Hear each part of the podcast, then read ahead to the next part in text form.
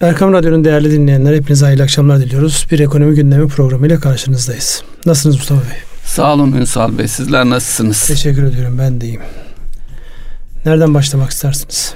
Şimdi enflasyon açıklandı. Enflasyon oranından başlayabiliriz. Buyurunuz. Ee, tüketici fiyatları e, Ekim ayında yüzde iki arttı.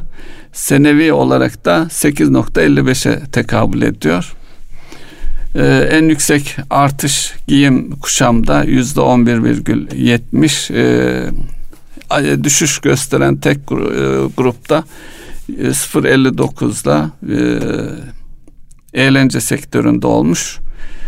E, alkollü içecek ve tütünde artışlar var. Yüzde 43-60. E, genel olarak bakıldığında e, enflasyonun asıl önemli olan aşağı seyrinin sürdürmesi ve önümüzdeki e, süreçte yani yıl sonundan önce de tekrar Merkez Bankası'ndan bir indirimin e, geleceğe yönündeki beklentileri de kuvvetlendirmesi diyebiliriz herhalde. Burada tabii 8.55'lik e, oran e, otomatik olarak yıl sonu tahminlerini de farklılaştırdı. Evet. Yani en son biliyorsunuz Merkez Bankası bunu 12'ye revize etmişti. Evet. 13.6'dan 12'ye revize etmişti. Şimdi geldiğimiz noktada baktığımızda 8.55 e, önümüzdeki 2 ayın gelebilecek farkı düşündüğümüzde onun ne kadar üzerinde olur yani çift hanenin ne kadar üzerinde olur diye bir beklenti vardı. Şimdi tabii şu an yapılan değerlendirmelerde özellikle e, politika tarafında yapılan değerlendirmelerde e, hükümet tarafı tek hanede kalabileceğine dair işaretleri görüyoruz diyorlar. Tabii onların elindeki bilgi seti bizim elimizde olmadığı için biz onu göremiyoruz.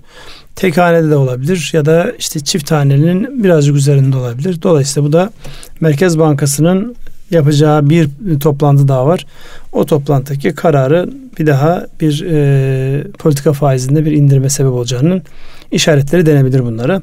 Bu nasıl yansır? Tamam bunlar enflasyon oranı. Çünkü bunlar hep e, kendi içerisinde bir sürü alt kalemde tartışılan insan, e, kısımlar var. Çünkü fiyat artışları ile enflasyon hep birbirine karıştırılıyor. Yani fiyat artıyor mu? Evet artıyor. Enflasyon düşüyor diyorsunuz.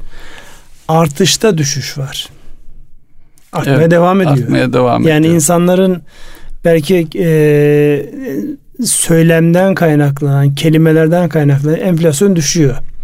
Enflasyon dediğiniz şey fiyatlar genel seviyesindeki artış. Artış oranı düşüyor. Yoksa artmaya devam ediyor. Yani eksi e, Değil. düştüğü takdirde enflasyon evet. e, fiyatlar düşüyor diyebiliriz. Dolayısıyla artış oranında azalma var. Bu şekilde bakmak, algılamak gerekiyor. Buradaki en çok itiraz e, şuna geldi. Özellikle kamunun yeniden değerleme oranı dediğimiz işte bu harçlara, ver, e, matbu şeklinde olan vergilere, işte pasaporttu, kimlikti yani devletin uygulamış olduğu e, bazı e, ücretlendirmeler var. Oralardaki oranların yüzde yirminin üzerinde olup işte e, yapılacak olan ücret zamlarının aşağıda olması en çok şu an insanların diline doladıkları hadise bu. Yani fiil enflasyon şurada bizim maaş artışlarımız burada dolayısıyla bununla alakalı aleyhimize bir denge kuruluyor onun çokça söylemi var ama yoksa fiyatla genel seviyesindeki artış hızı devam ediyor. Artış devam ediyor. Evet. Ama 24'lerden, 23'lerden, 22'lerden geldiğimiz seviye 8.55'ler. E bu tabii ki oturup değerlendirdiğimizde sevinilecek bir hadise. Ama o sevineceğimiz hadisenin arkasının yatırıma istihdama dönmesi gerekir ki devamı gelsin. Buyurunuz. Evet e, tabi orada bahsettiğiniz vergi oranları yeni vergiler geliyor olması oranlardaki artışlarda e, enflasyon seviyesindeki yavaşlamayı e, sanki algıda biraz insanların zorlandığı bir e, duruma dönüştürüyor. Tabi burada belki bütçeye de değinmek lazım. Mali tarafta da e, bütçenin e, geçen yıl özellikle Merkez Bankası e, karının önceden e, devralınması, bunun yanı sıra bir defalık imar barışı ve bedelli askerlikle ilgili e, şeyler vardı, gelirler vardı.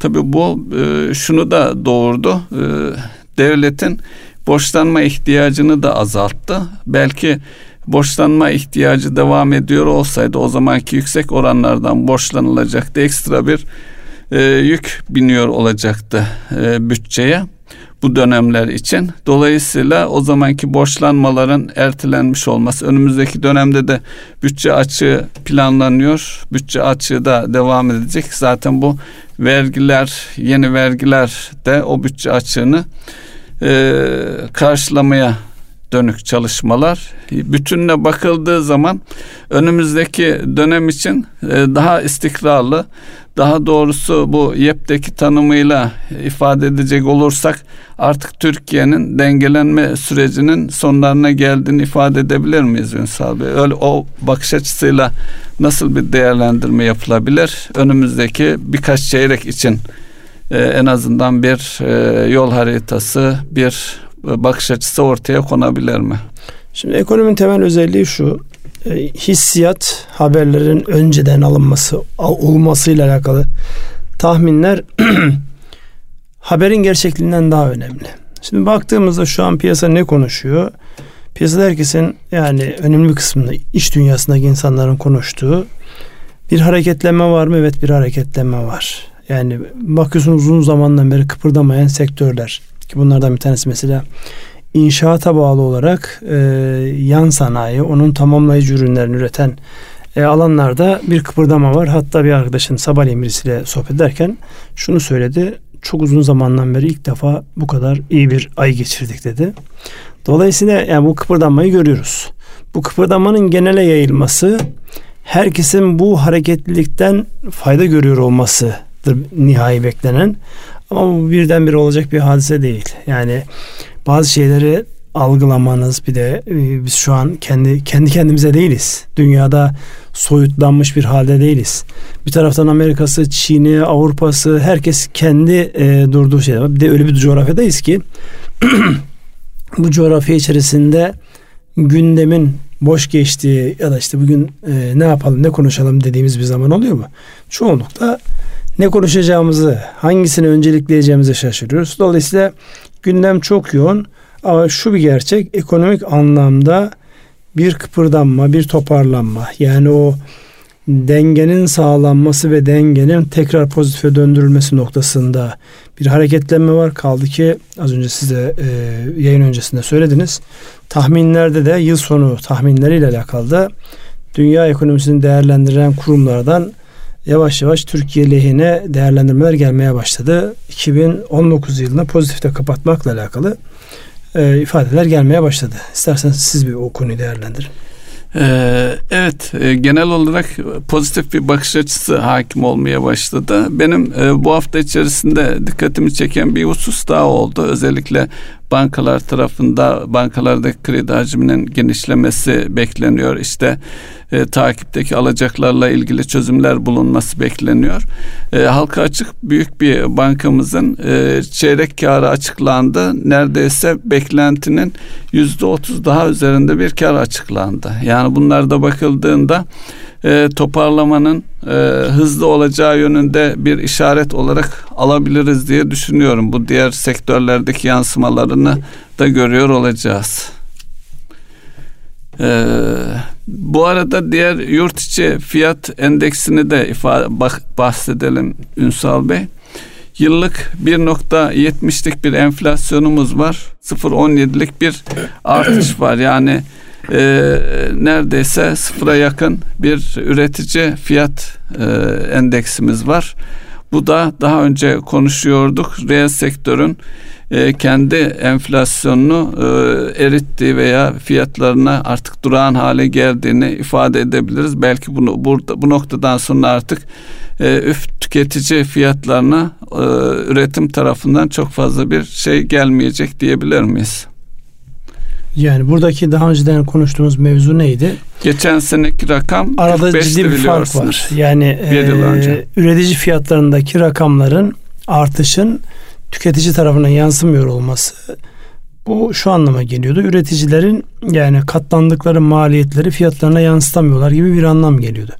Şimdi baktığımızda e, özellikle e, rakamlara baktığımızda üreticilerin bu fiyatlarını yansıtma noktasında geçen seneki gibi bir birikmişlik var mı?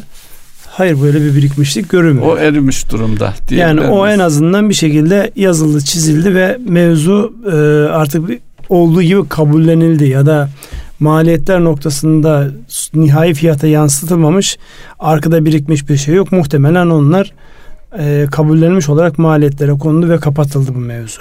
Ama e, yani burada bundan sonraki süreçte e, nasıl gideceğine dair e, izlemeye devam edeceğiz. Şey devam ediyor çünkü yani süreç devam ediyor. Maliyetler artıyor mu?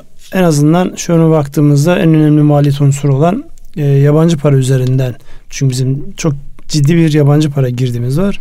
Oradaki hareketlik, oynaklık büyük ölçüde e, dengelenmiş durumda.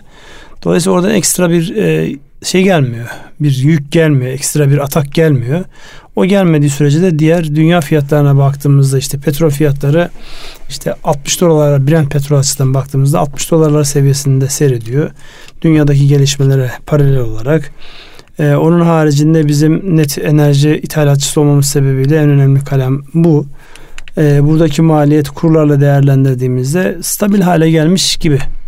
Dolayısıyla e, finans maliyetleri anlamında da ciddi bir geri çekilme var. Ee, geçen sene biliyorsunuz bu vakitlerde e, 40'lar 50'ler konuşuluyordu. Hatta 50'lerin bile üzerine evet. çıktığımız zamanlar vardı. E, şu an e, firmanın gücüne göre, pazarlık durumuna göre, büyüklüğüne göre e, makul seviyelere gel, geldi diyebiliriz geçen seneyle karşılaştığımızda. Hala daha e, olması gereken seviyede değil. Hala daha yatırım yapılabilir seviyede değil ama en azından insanlar geçen sene kar marjlarıyla karşılaştırmayacak kadar yüksek bir e, finansman yükü vardı. Şu an kar marjlarıyla işte e, FAVÖK diyeceğimiz, EBITDA diyeceğimiz net faaliyetten elde edilen katma değerle karşılanacak seviyelere gelmiş vaziyette finans yükü. Dolayısıyla şu an e, daha rahat gelecekle alakalı pozitif şeyler söylenebilir gözüküyor. Evet. Ee, Peki buradan e, önemli bir konuda Fitch'in e, not açıklamasıydı. Bu konuyu değerlendirelim mi Ünsal Bey? Şimdi e, Fitch e, bizim notumuzu uzun süreden beri durağına çevirdi. Yani bir artış eksiliş yok. Daha önce negatifken şu anda Fitch'in e, skalasına göre BB eksi de ve durağın. Bu şunu ifade ediyor yani e, Fitch açısından Türkiye ekonomisinin artık bunun bir dip oldu. Bunun üzerindeki gelecek beklentinin e, artış yönünde olacağı e, gibi bir sonuç var.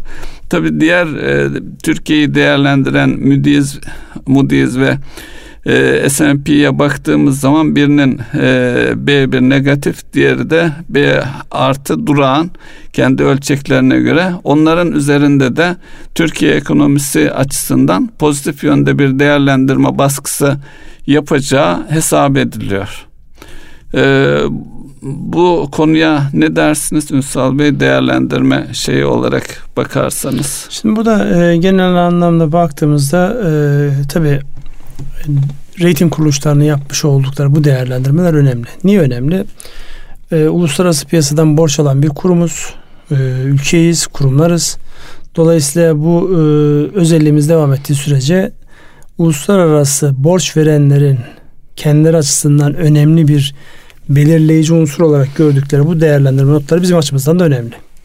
Şimdi burada ne oldu e, geçtiğimiz zaman içerisinde? Önemli bir kısmı dünya siyasetine yön vermeye çalışanlar başta Amerika olmak üzere onlarla düştüğümüz pozisyonlar karşı karşıya gelişlerimiz bizim e, ekonomik anlamda hak etmediğimiz bir e, pozisyonla karşılaşmamıza sebep oldu. Artık bunu gün gibi ortada yani politikaya bağlı olarak iniyor ya da çıkıyor.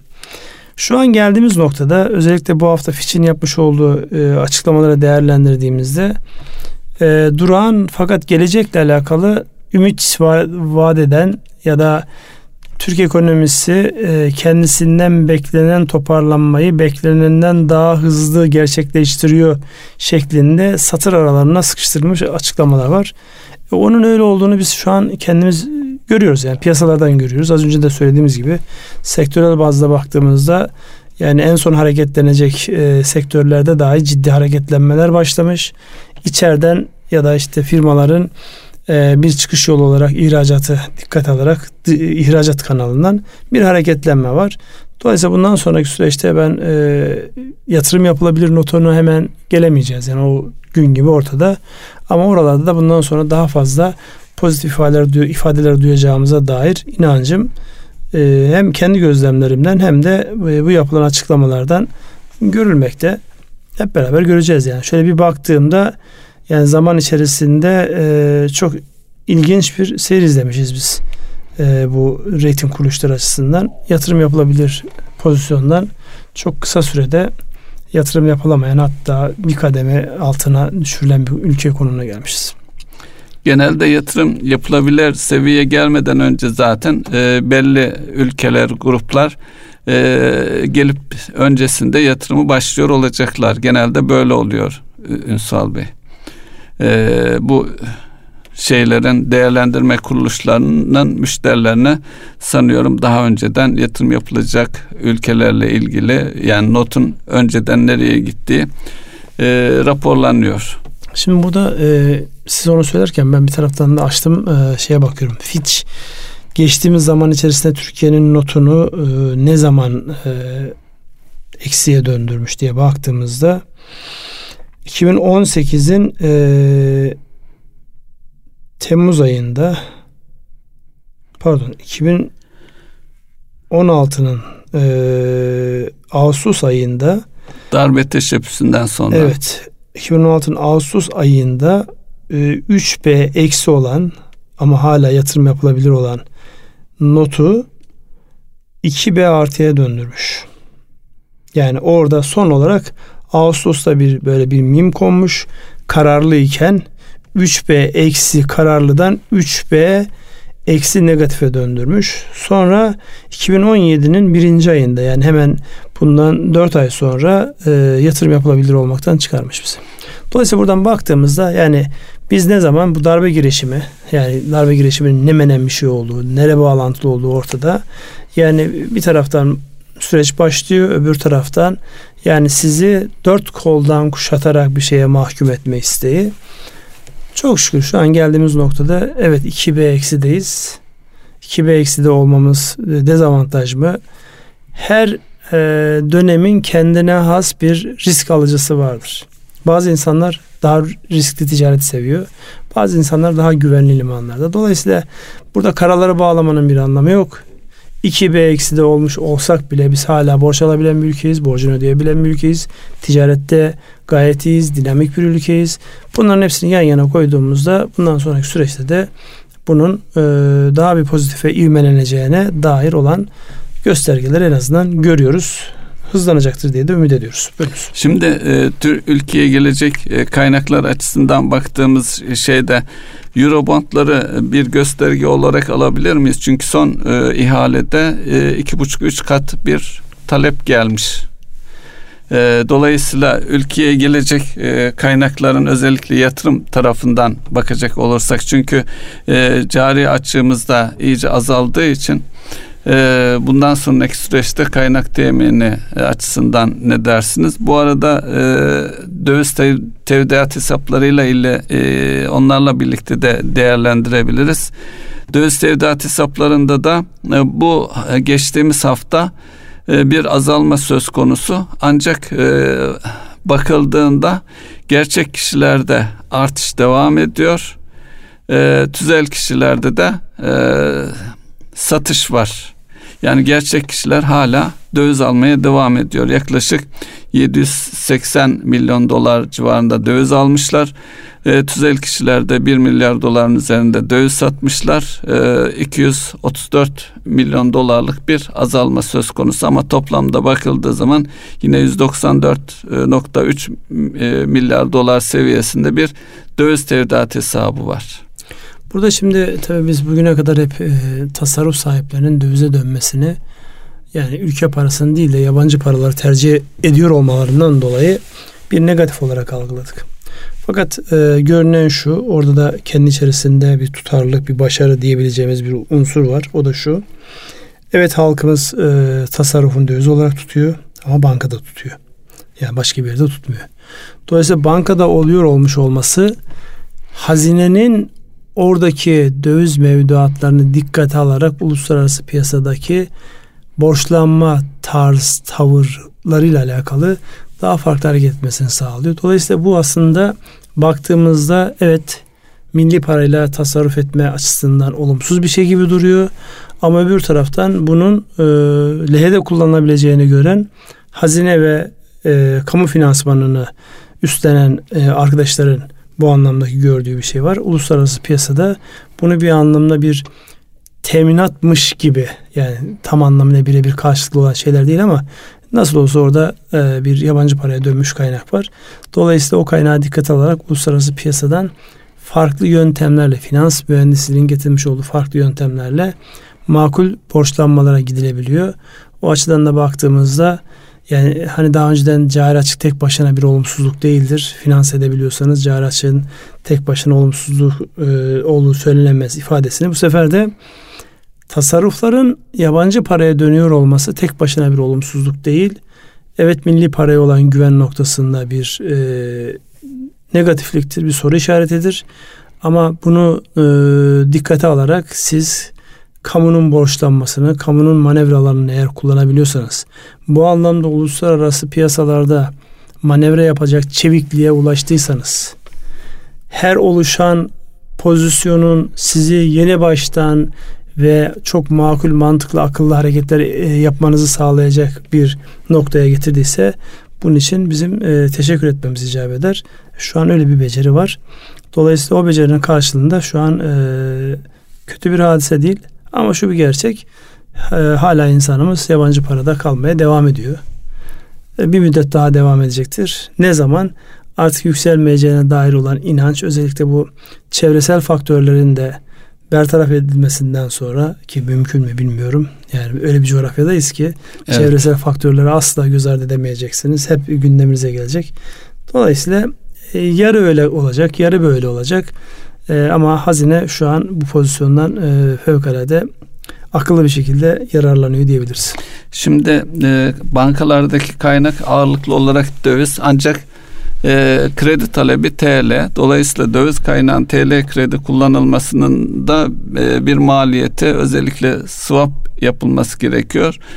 E, burada da bir takım zorluklar var. Bunlarla ilgili nasıl bir yöntem izlenebilir? Belki buna Merkez Bankası'nın bir çözüm bulması gerekecek. Merkez Bankası'nın hazinenin bu anlamda baktığımızda yani şu an yapılıyor zaten bir çözümler bulunuyor. Aksi takdirde şöyle bir e, kamu bankaları üzerinden mi? Kamu bankaları üzerinden de yapılıyor. Özel sektörden buna iştirak eden bankalarda muhakkak vardır. Yani her gün her yapılan işlemi bilemediğimiz için orada e, çok fazla bir şey söyleyemiyoruz bu anlamda. Daha bu işin sürekli içinde olan profesyoneller birebir her işlem bazında biliyor olabilirler.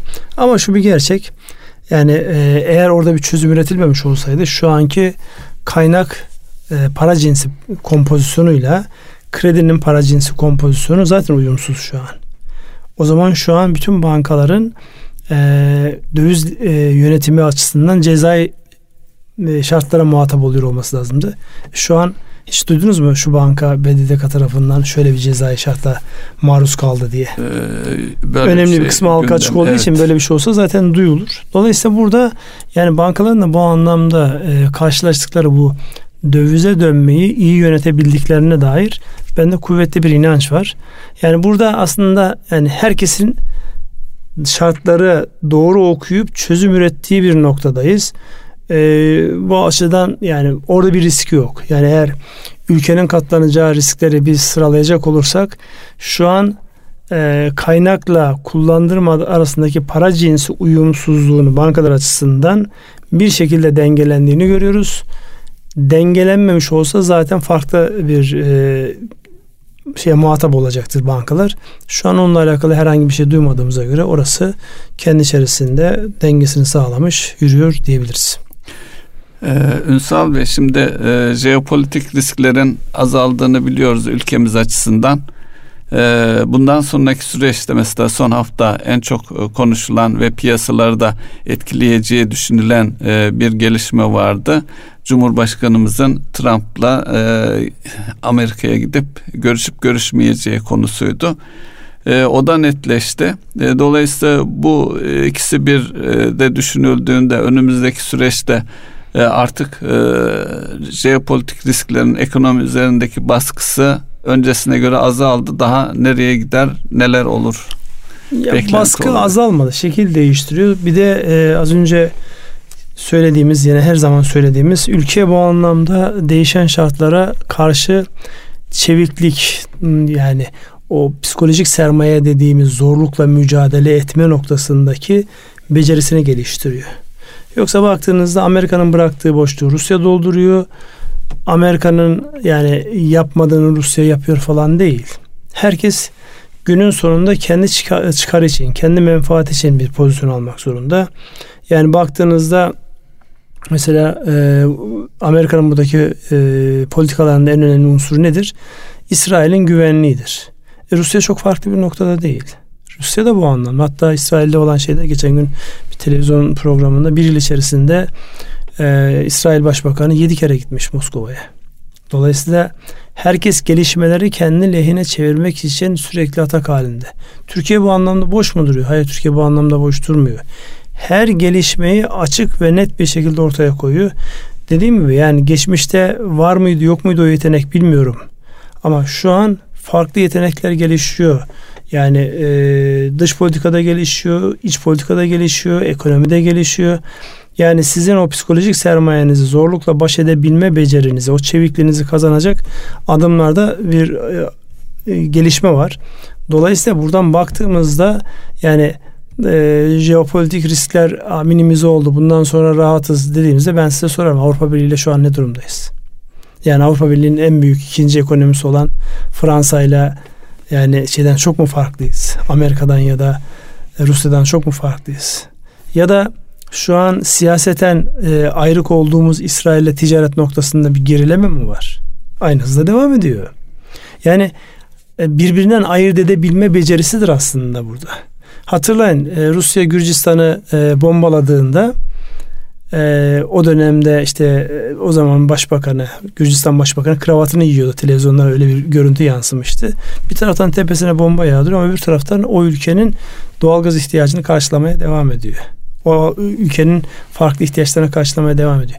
Dünya artık böyle küstüm oynamıyorum devrinde değil. Bir taraftan bilek güreşi yapıyorsun, öbür taraftan farklı bir mücadele var. Ama ticaret onu gerektiriyorsa ticareti de yapıyor. Bunu işte öğrenme sürecindeyiz biz. Daha önce biz komple küsüp herkesi kendimize bu anlamda ya dostumuz ya düşmanımız. Yani bir tarafta çıkar çatışması vardır mücadele edersiniz. Öbür tarafta çıkarınız örtüşüyordur birlikte hareket edersiniz. Bunu öğrenmemiz gerekiyor. Dünya bunu öğreniyor zaten diyorum. Şahsi kanaatim olarak. Evet yani bu e, mevcut şekilde yönetebildiğimiz e, müddetçe aynı şey Rus uçağını düşürdükten sonra da doğal gaz akımı kesilmemişti. Ya burada Türkiye mevcuttan ziyade e, yani sürekli e, özellikle işletmeler tarafında strateji çalıştığımız için yani neredeyiz, nerede olmak istiyoruz sorusu. Neredeyiz sorusu bir kere kabullenmemiz gereken e, birçok gerçek var. Nedir onlar? İşte bulunduğumuz coğrafya, sahip olduğumuz ekonomik yapı, sahip olduğumuz kaşınması gereken hassas, yani kaşınması gereken derken kaşınabilecek hassasiyetlerimiz var. Ama bir o kadar da kuvvetli olan taraflarımız var. Ya yani binlerce yıla varan devlet geleneği var. Binlerce yıla varan e, farklı organize olma becerisi var. Dolayısıyla yani bunu görüp buna yönelik e, kendimizi gelecekte nerede olmak istediğimizle alakalı net bir e, görüntü çizip ona doğru akmamız gerek. Savrulmaktır en tehlikeli olan. Nereye gideceğinizi bilmemektir. E ben şu an yani o noktada Türkiye'nin içini doldurma noktasında biraz e, yavaş davransa dahi nereye gideceğine noktasında e, ciddi adımlar attığını görüyorum zaten. Yani önemli olan budur. E, peki e, bu arada e, en son e, gelişmeler e, çerçevesinde gayrimenkulle ilgili İstanbul'da büyük bir gayrimenkul e, satıldı.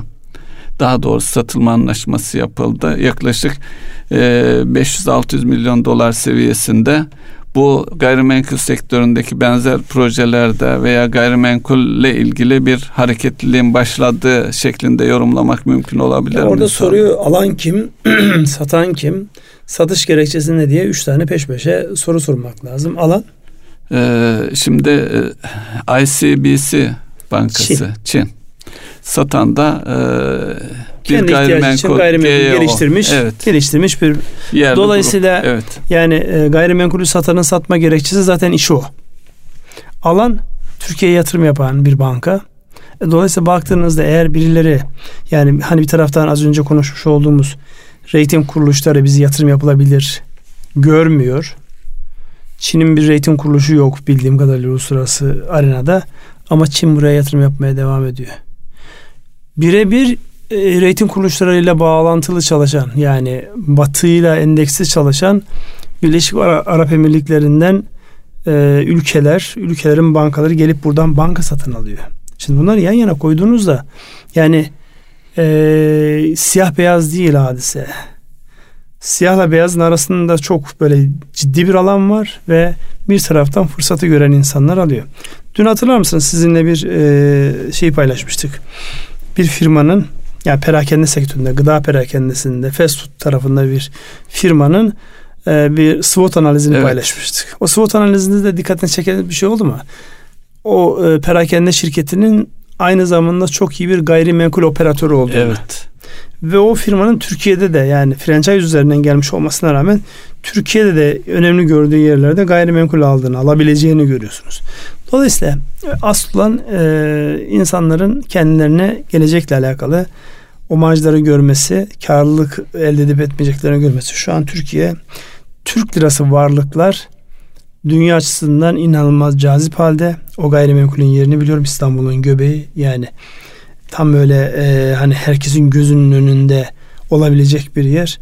Dolayısıyla orada gayrimenkul almış bir Çin bankasının Türkiye ile alakalı stratejisi, planları, programları günden yarına göre değildir diye onu çok rahatlıkla söyleyebilirim. Ee, bir de e, netleşmesi açısından büyüklüğünü ifade edersek 235 bin metrekarelik bir e, şey alan söz konusu. Dolayısıyla dolar bazında metrekare fiyatına bakınca da ucuza makul, gitmiş. Evet, kelepir diye Ucuza gitmiş. Evet. Yani şimdi dünyanın hiçbir e, başkentinde ekonomik anlamda hiçbir başkentinde bu fiyattan o büyüklükteki bir gayrimenkulü alamazsınız. Dolayısıyla şu an bu e, çarpan etkisi yapacak. Önümüzdeki dönemde muhtemelen satanlar da yani şu dönemdeki farklı imkanları görmek, onları değerlendirmek açısından bir fırsat olarak görmüşlerdir. Ya da kendi finansal yapılarıyla alakalı bir meseleyi çözmek için yapmışlardır ama şu bir gerçek yani o büyüklükteki bir gayrimenkul bu fiyatla he, hani derler ya normal zaman olsa yazık diyeceğim ama bu dönemde evet birileri yatırım yapıyorsa ya o cesaret göstermiş olmalarından dolayı sadece söylenecek bir şey var. Helal olsun adamlara. Takdir edilesi bir hareket yapmışlar. Yani bizim de bu anlamda eğer e, dış ülkelerde kaynaklarımız varsa, başka bir e, korkumuz, kaygımız yoksa o kaynakların bir an önce buraya gelip bir şekilde ekonomiye katkı sağlaması icap eder. Evet. Ya konu mu bitti? Ee, konu e, bitmez Ünsal Bey. E, ticaret anlaşması Çin ile Amerika arasında anlaştık deniyor ancak anlaşma bir noktada nerede imzalanacağı konusu netleşmiyor. E, bu ay içerisinde e, olacağı beklentisi vardı. Önümüzdeki Aralık ayına kayıyor galiba. Dolayısıyla dünyadaki gelişmeleri de Çin ile Amerika arasındaki yapılacak ticaret anlaşması belirleyecektir. E, bu konuda e, ne dersiniz Ünsal Bey? Valla o konuda dinleyecek tek bir şey var. E, artık bu hikaye uzadıkça uzuyor ama herkes yoluna devam ediyor. Eğer Çin'in en büyük bankalarından bir tanesi ve dünyanın da ilk 10 bankasından içinde yer alan bir banka gelip Türkiye'de devasa 230 bin metrekarelik bir gayrimenkul alıyorsa yani Türkiye'de normal şartlarda baktığında nedir? Avrupa Birliği'ne girmeye çalışan işte NATO üyesi, OECD ülkelerinden Batı'nın e, bu anlamdaki gözdesi olan bir ülkeye yatırımı eğer Çin yapıyorsa, yatırımı Hindistan yapıyorsa ya da Ruslar yapıyorsa ya kusura bakmasınlar güç dengeleri farklılaşır. Ticaret savaşları bir taraftan devam ederken kimse orada Trump ne dedi işte e, Pink nereye evet dedi nereye hayır dedi bakmaksızın herkes programını e, adım adım uyguluyor. Yani bu anlamda baktığımızda da e, şeyde bir problem yok. E, ülkelerin kendi belirlemiş oldukları kendi stratejilerini uygulamalarının herhangi bir problem yok. Dolu dizgin gidiyor. Asıl komedi İngiltere'de bence. işte artık meclis şey seçim öncesi e, şeye girdi artık. E, Kendini feshetti. Kendisi feshetti. Herhangi bir yasama faaliyeti yapmıyor. Bence asıl konuşulması gereken yani üzerinde güneş batmayan imparatorluklar ya da kendinde olağanüstü güç vermeden ülkelerin şu an geldikleri pozisyon ve gücün nasıl yer değiştirdiği ile alakalı bir hadise. Ya burada kompletörlerine gidip işte dünyayı yöneten yedi aile şöyle yaptı böyle yaptı demeyeceğim. Çünkü e, yani oraya bir girdiğinizde o zaman e, hayat tatsız tuzsuz bir hale geliyor. Hiçbir şeyin anlamı o çok kolaycılık olur. Dolayısıyla baktığımızda güç dengeleri değişiyor. Güç batıdan doğuya doğru kayıyor. Ve yeni e, fiziki anlamda olmasa dahi güç haritaları oluşuyor. Bize düşen o güç haritasının içerisinde nerede yer almak istediğimiz, işte nerede olmak istiyoruz ifadesi orada da kendini yine gösteriyor. Şimdi e, e, tarihte ilk kez Çin'den e, kalkan bir yük treni e, Prag e, Çek Cumhuriyeti'ne giden bir yük treni var. Ve şu anda Türkiye'ye ulaşmış durumda ve e, Marmaray'dan e, Marmaray yük trenlerine e, uygun hale getirildiği ifade edildi. Marmaray'dan geçerek Prag'a gidecek. Bu da şu ana kadar e, önemli gelişmelerden bizim biz de içinde olduğumuz için önemli bir gelişme. E, yaklaşık Çin'den e, Türkiye'ye mesafe bir aylık mesafe yaklaşık 12 güne inmiş durumda. Önümüzdeki yıllarda da özellikle yük trenlerinin e, yüze, saatte 100 kilometrelik bir hıza ulaşacağı e, öngörülüyor. Şimdi artık e, İpek yolu üzerinde demir yolunun da yer aldığı bir güzergahtayız.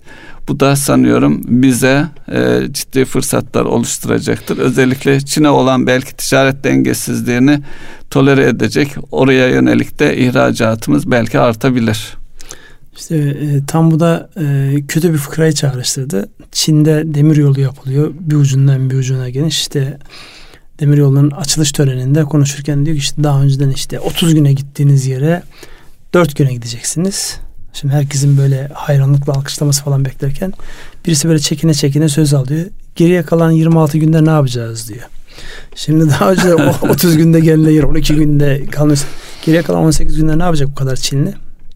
evet yani onlar tabii bu e, şimdi espri tarafı ama şu bir gerçek Cevap, zor dünyanın bir soru sormuş ama dünyanın ne kadar küçüldüğünün de göstergesi. Evet. Yani e, deve sırtlarında işte değişik e, yük e, hayvanları ya da işte e, taşıma araçlarının sırtlarında 3 ay 5 ayda gidilen mesafeler artık birkaç saatte birkaç günde hallolur hale gelmiş.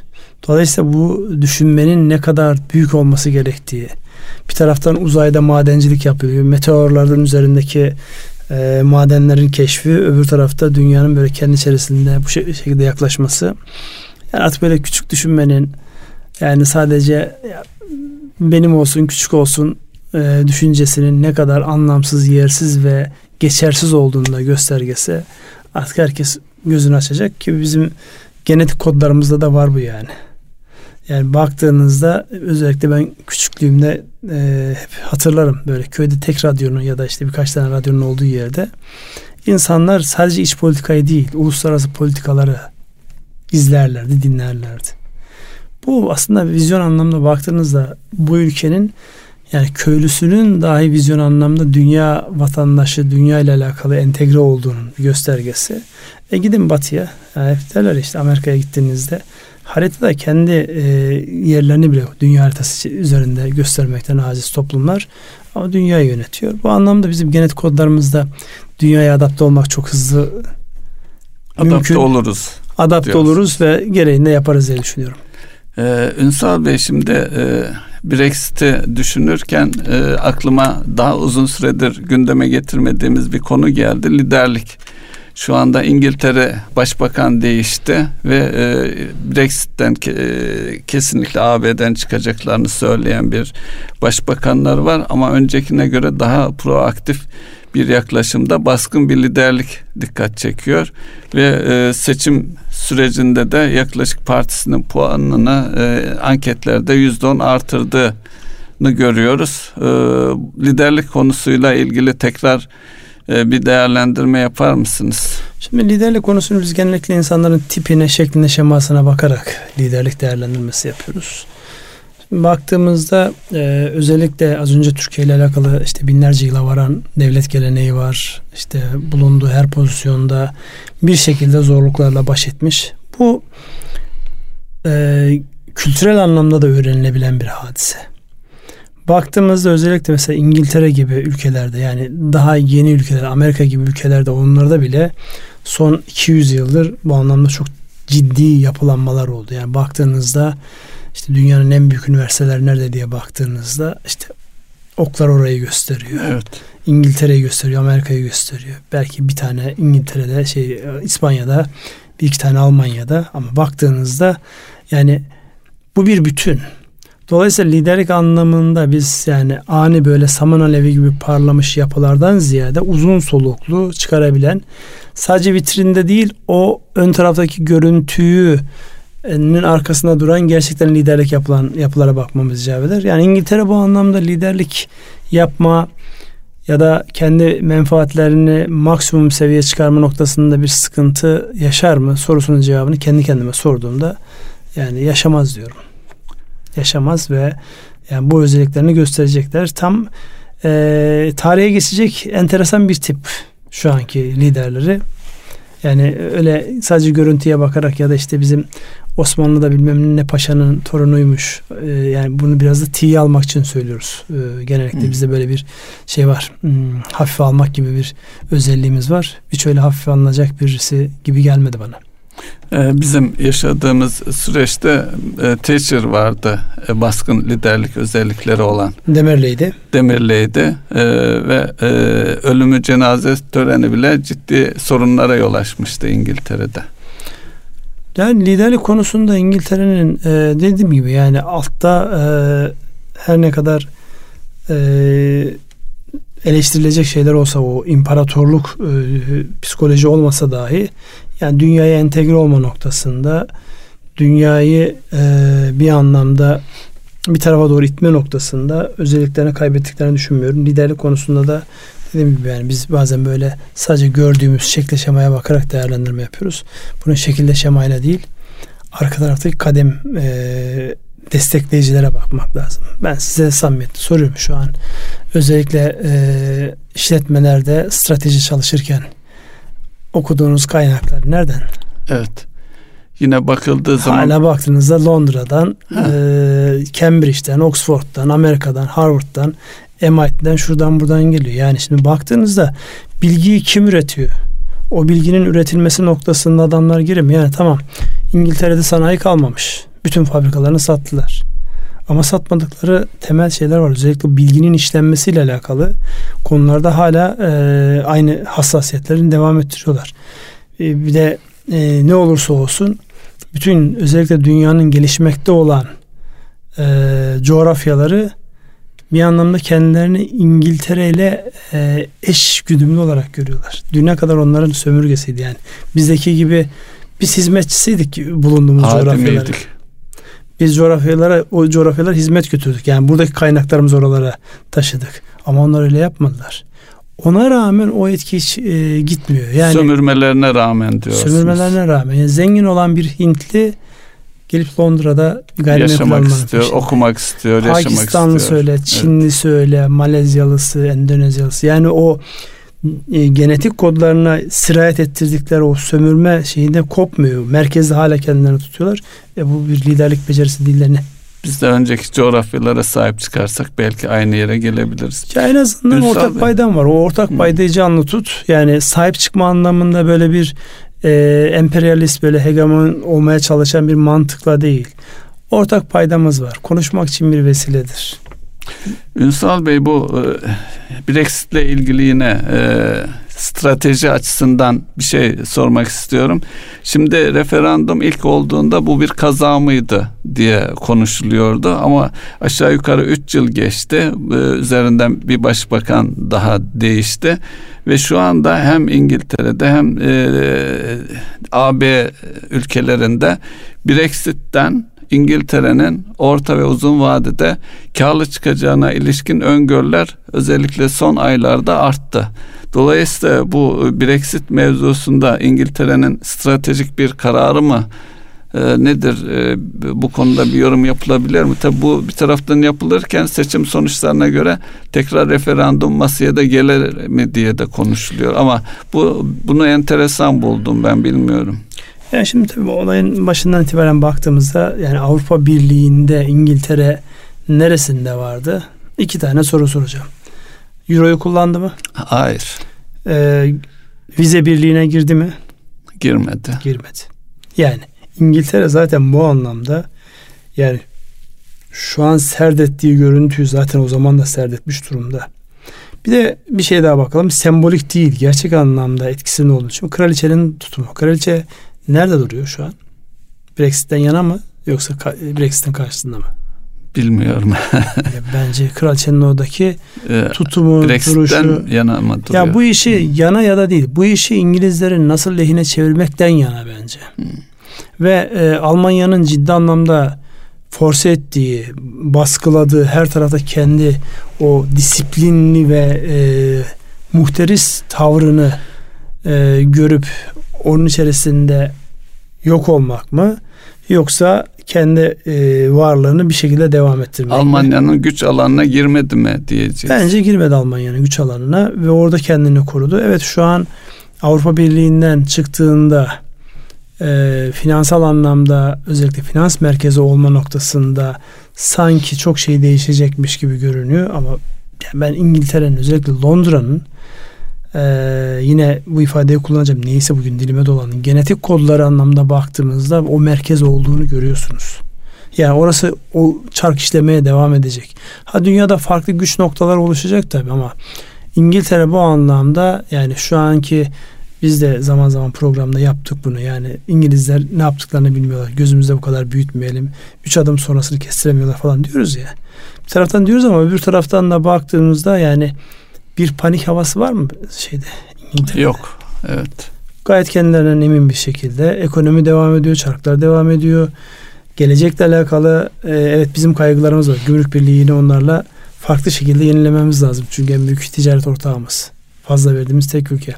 Dolayısıyla e, burada e, yani lehlerine mi olur, aleyhlerine mi ama lehlerine olsun diye ellerinden geleni yaptıklarına inanıyorum. Peki bu strateji noktasında firmalara dönüp bakarsak e, zamanın sonuna yaklaştığımız için e, nasıl bir mesaj vermemiz Verilecek gerek? mesaj şu. Bir kere anlık e, durum değerlendirmeleri yapılmak zorunda. Yani Hani bu e, bazen böyle kitaplarda yazıyor işte SWOT analizi. Yani güçlü yönleriniz, zayıf yönleriniz, işte fırsatlar, tehditler. Ya da öbür taraftan işte rekabet analizi, öbür taraftan e, piyasaların değerlendirmesiyle alakalı envai çeşit analiz var. Şimdi bütün analizler açısından baktığımızda bunlar bir kerelik ve durağan analizler olarak yaparsanız kendinizi bir yere donmuş bırakmış olursunuz. Bu dinamik olmak zorunda iş modeliyle, analizleriyle bütün Yani ne kadar zamanda bir e, masaya yatırması her lazım bir firma? Her gün. Her gün biraz olduğumuz, zorlanabilir firmalar için yani daha. Her gün şöyle gelişmeler, yeni gelişmeler kendilerinden ne getiriyor ne götürüyor. Bakın dün e, yani şu an firmanın ismini söyleyip de reklamını yapmanın bir anlamı yok.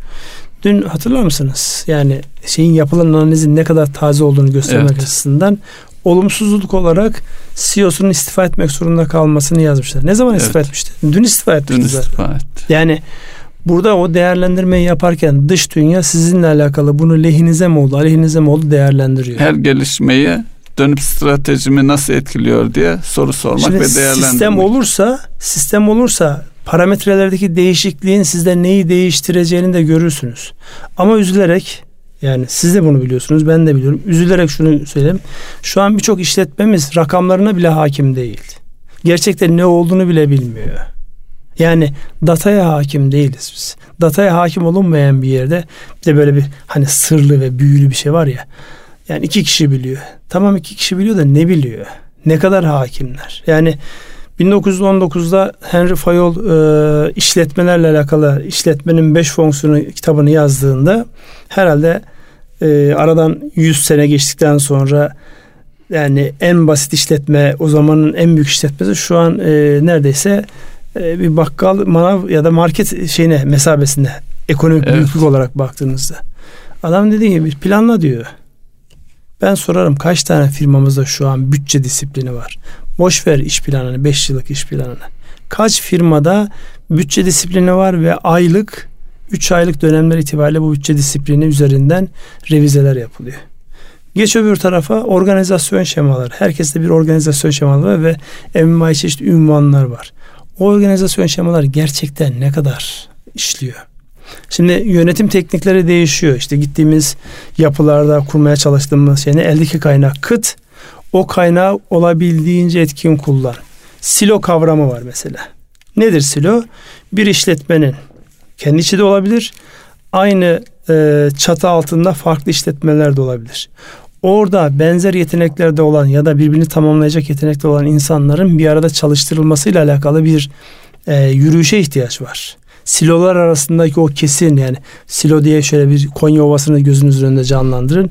Hani o beton evet. silolar vardır ya birbirinden bağımsızdır. görünen. Evet birbirinden bağımsızdır. Hepsi ayrıdır. Halbuki eskiden makbuldü bu. Yani her birinin ayrı olması. Şimdi birlikte çalıştırmanız lazım. Çünkü kaynak çok değerli. Ve birbirini tekrarlamaması gereken hadise. Dolayısıyla organizasyonun yapının bu anlamda tekrar gözden geçirilmesi gerekiyor. Ve yapılara bir esneklik kazandırılması gerekiyor. Şimdi burada e, biraz böyle zamanı gördükçe hızlandırıyorum şeyi. E, özellikle iş dünyasından insanlar şunu söylüyor. Ya kurumsallaşma acaba bizim manevra kabiliyetimizi öldürür mü? İyi yorumlanması evet öldürebilir. Çünkü şu an bizdeki hakim olan özellikle e, aile firmalarındaki hakim olan işletme kültürü klan kültürü. Yani ne? Esnek, içe dönük yapılar. Şimdi siz eğer bunu esnek olmayan, stabil, sabit ve içe dönük yapıya dönüştürürseniz sadece hiyerarşiye boğulmuş olursunuz. Yani dünkü kurumsallaşmak için yola çıktığınız yapıyı daha kötü bir hale getirebilirsiniz. Onun için yani burada ne tarafa doğru gitmek istediğinizi, hangi yönlerinizin güçlü olduğunu onları korumak icap ediyor. İkincisi organizasyon. Üçüncüsü yönetme. Bizim en iyi yapabildiğimiz taraf o. Yani planlama yok, organizasyon yok ama acayip yönetiyoruz. yani idare ediyoruz aslında. Evet. Dolayısıyla bu var. Dördüncü başlık burada koordinasyondur. Yani farklı iş disiplinleri olan, farklı bakış açıları olan silolar yapıları arasındaki silolar arasında koordinasyon, farklı e, birlikte iş yaptığında e, bir ittifakla büyüyebilecek yapıları büyütmek bir koordinasyon işidir. O yönümüzü geliştirmemiz lazım ve en önemlisi bu da sizin ihtisas alanınıza giriyor. Çok fazla parlatmıyorsunuz burayı. Denetim tarafı. Denetim. Yani bunu 1919'da yazmış ve biz bugüne geldiğimizde birçok işletmemizde planlama yok, organizasyonlar zayıf, yönetiyoruz evet, idare ediyoruz o kısmını söyleyeyim. Koordinasyon yok ve iş denetimi yok. Şimdi bunu genelleme yapar kimseyi kötüleme anlamda. Bu bilincin bir an önce ayağa kalkması gerekiyor ki bundan sonra uluslararası anlamda strateji konuşabilelim. Onda bir dahaki soru. Biz aslında programla strateji programına mı dönüştürsek ne yapsak? E, belki biraz daha e, e, fazla evet. zaman ayırıp somuttan gidelim. Somut örneklerden hareket Maalesef etmek. kendi içimizdeki firmalardan bahsedelim ama uluslararası en azından bilinen firmaların evet. güçlü yönlerini onları el alarak buradan içeriye doğru bir kıyaslama yöntemiyle bilgi devşirebiliriz. Şimdi biz firma isimlerini burada özellikle söylemiyoruz. Yurt dışından olursa belki firma ismi söylemek de şeyi cazip kılar olabilir yani işte kafada e, dinleyenlerin kafasında netleştirmesini sağlayabilir olabilir, diye düşünüyorum. Olabilir doğrudur. Onu, onu yapalım bundan sonra. Sen bitti diye işaret ediyorsun anladım. Evet. Kadarıyla. Evet toparlayalım öyleyse. Bugün çok şey konuştuk. Ne konuştuğumuz artık e, hani biraz fıkra gibi olacak ama ne konuştuğumuzu dinleyici e, dinleyicilerin şeyini göreceğiz yani. Eğer şu dakikaya kadar dinliyorlarsa demek ki iyi şeyler konuşmuşuz diye kendimize pay çıkaralım Eyvallah isterseniz. Bugün pozitifteyiz. Evet. Erkam Radyo'nun değerli dinleyenleri bir ekonomi gündemi programının daha sonuna geldik. Sürçü lisan eylediysek affola. Hepinize hayırlı akşamlar diliyoruz. Hayırlı akşamlar.